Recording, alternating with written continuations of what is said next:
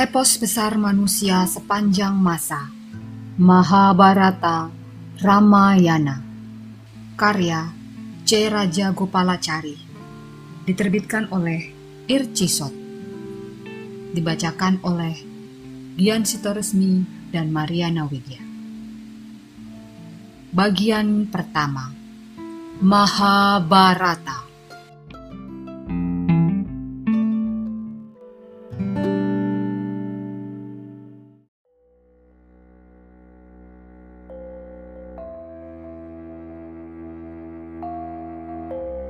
Bab 93 Pandawa dicela Ketika perang hampir usai, Balarama, kakak Krishna sampai di medan Kurusetra. Ia baru saja selesai berziarah ke tempat-tempat suci. Ia datang persis ketika pertarungan Bima dan Duryodhana hampir usai dengan kekalahan Pangeran Kurawa. Balarama melihat bagaimana Bima meremukkan paha Duryodhana. Melihat pelanggaran tradisi pertarungan satu lawan satu itu, Balarama amat marah. Teriak Balarama, "Hei, hentikan! Kalian tidak mengindahkan peraturan perang. Seorang satria tidak boleh memukul di bawah perut. Bima ini telah melanggar aturan perang." Dia hampiri saudaranya, Krishna, dan katanya, "Engkau melihat pelanggaran itu dan membiarkannya." Tapi aku tidak bisa membiarkan kecurangan ini. Setelah berkata demikian, ia melangkah maju dan akan menyerang Bima dengan senjata bajaknya. Bajak adalah senjata pamungkas Balarama, sama seperti Krishna yang memiliki senjata cakra. Krishna khawatir dengan apa yang dilakukan Balarama. Ia segera berlari menghalangi kakaknya yang mendekati Bima. Katanya, Pandawa adalah sahabat dan kerabat dekat kita. Mereka telah menjadi korban perbuatan jahat Duryudana. Ketika Drupadi dipermalukan di depan umum, Bima bersumpah, suatu hari nanti aku akan remukkan paha Duryudana dan membunuhnya dengan gada ini. Waktu itu ia ucapkan sumpah ini dan semua orang tahu itu. Seorang satria wajib memenuhi sumpah yang ia ucapkan. Jangan biarkan amarah mempengaruhi penilaianmu dan salah menilai para Pandawa yang tidak berdosa. Sebelum menyalahkan Bima, sebaiknya engkau melihat dulu kejahatan-kejahatan yang dilakukan para Kurawa pada Pandawa. Jangan menilai suatu peristiwa lepas dari peristiwa-peristiwa yang terjadi sebelumnya. Engkau tidak bisa menafsirkan suatu peristiwa dari ke seluruh dari keseluruhan peristiwa yang melingkupi. Jika demikian, penilaianmu akan keliru. Zaman Kali Yuga, yaitu zaman di mana aturan dan tradisi masa lalu tidak bisa diterapkan lagi telah tiba. Bima tidak bersalah karena ia menyerang orang yang telah berulang kali mengancam nyawanya. Karena Duryudana lah karena melepaskan tombak dari belakang dan meremukkan busur Abimanyu yang sedang dikeroyok para kesatria Kurawa. Putra Arjuna yang masih belia dikepung sejumlah kesatria Kurawa, sementara ia sendirian di medan perang. Setelah busur dan keretanya dihancurkan, Abimanyu dibantai secara keji. Sejak lahir Duryudana telah berbuat jahat dan membawa rakyatnya ke jurang kehancuran. Membunuh orang sejahat itu tentunya bukan dosa. Bima menyaksikan perbuatan-perbuatan jahat sejak lama dan memendam amarahnya selama 13 tahun. Duryudana tahu persis Bima bersumpah untuk meremukkan paha dan membunuhnya.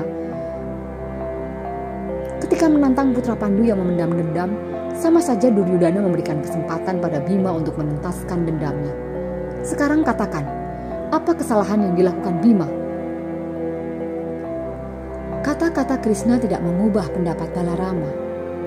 Meskipun demikian, amarah Balarama sudah jauh berkurang.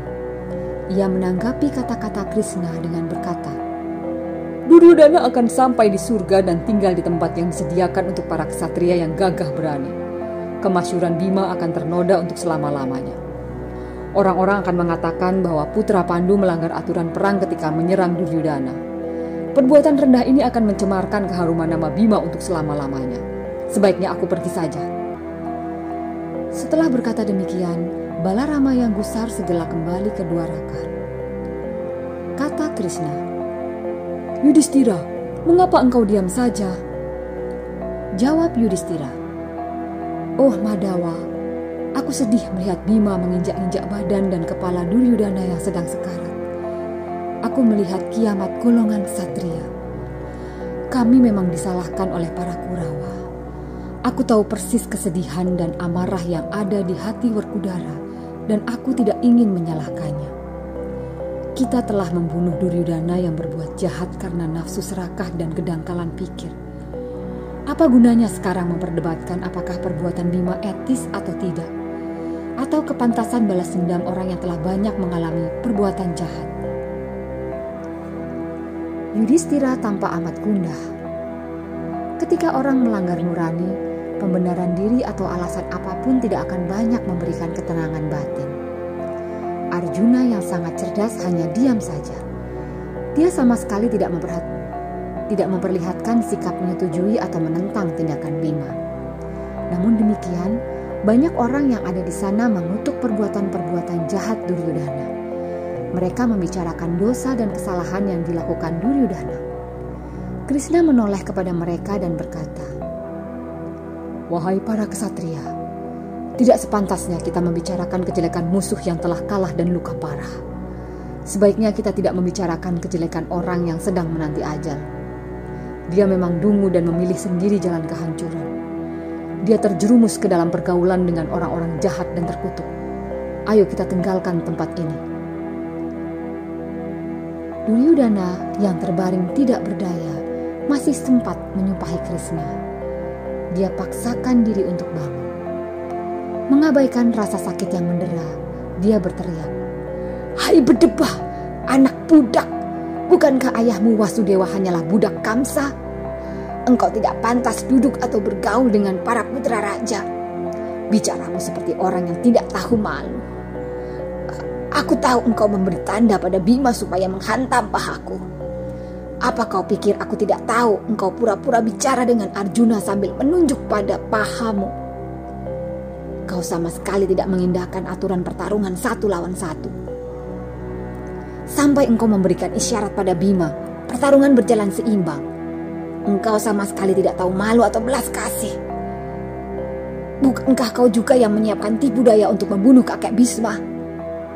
Engkau perintahkan Sri Kandi untuk maju menghadang Bisma karena tahu kakek tidak akan mungkin menyerang perempuan dan bahkan membiarkan diri diserang sampai luka parah tanpa membalas. Engkau juga menyebabkan kematian Mahaguru Durna dengan menyuruh Dharma Putra berbohong. Engkaulah biang yang menyebabkan Dharma Putra berbicara bohong dan Durna membuang senjata. Bukankah engkau diam saja ketika si berdebah Drista Dyumna menyerang dan memenggal kepala Mahaguru ketika dia telah membuang senjata dan sedang bermeditasi? Bukankah engkau juga menyebabkan karena melepaskan senjata pusaka ke arah Gatot Kaca dan tidak menyimpannya untuk bertarung melawan Arjuna?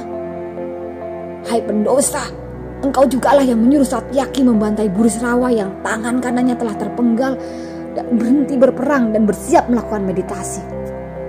Engkau jugalah yang menyebabkan kematian karena engkau perintahkan Arjuna untuk menyerang Krishna yang sedang berusaha mengangkat roda kereta yang terjebak dalam lumpur. Oh manusia tidak berguna, engkaulah penyebab kehancuran kami. Seluruh dunia akan mengetukmu. Dengan sihirmu kau buat matahari seolah-olah sudah tenggelam dan Raja Sindu percaya bahwa hari sudah berakhir. Akibatnya, dia tewas karena lepas dari para penjaganya.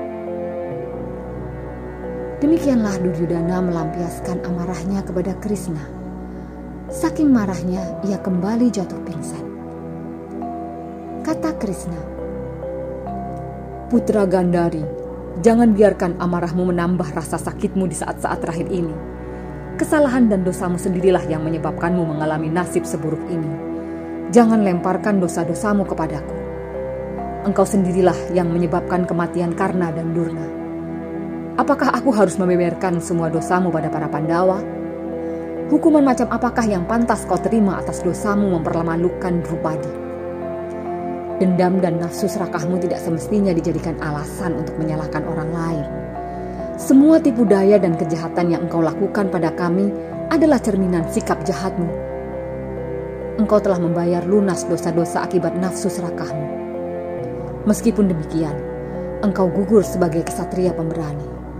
Engkau akan pergi ke surga yang disediakan untuk para kesatria yang bertaruhkan hidup di medan perang.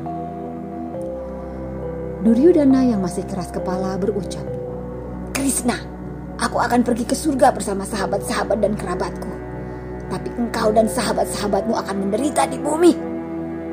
Lalu ucapnya lagi, Aku belajar kitab Weda, karena takdir aku beroleh anugerah dan aku berkuasa atas seluruh muka bumi. Semasa hidupku, musuh-musuhku tunduk dan hormat kepadaku. Semua kesenangan yang diimpikan manusia dan bahkan para raja telah aku nikmati. Sekarang, aku sekarat. Kematian semacam inilah yang diidam-idamkan semua ksatria. Sebentar lagi aku akan mati dan pergi menemui sahabat-sahabatku di surga. Nah, siapa yang lebih diberkati? engkau atau kalian yang masih harus tinggal di bumi ini meratapi kematian para sahabat dalam kesepian. Memang benar kalianlah yang memenangkan perang yang berlangsung sekian lama.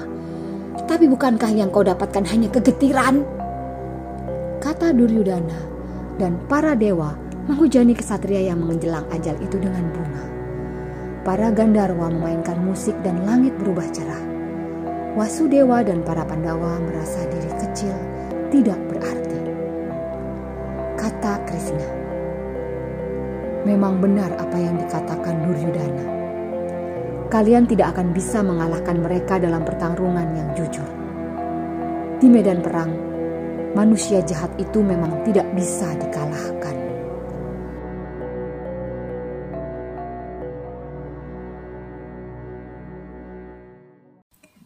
Dengarkan kisah selanjutnya di episode berikutnya.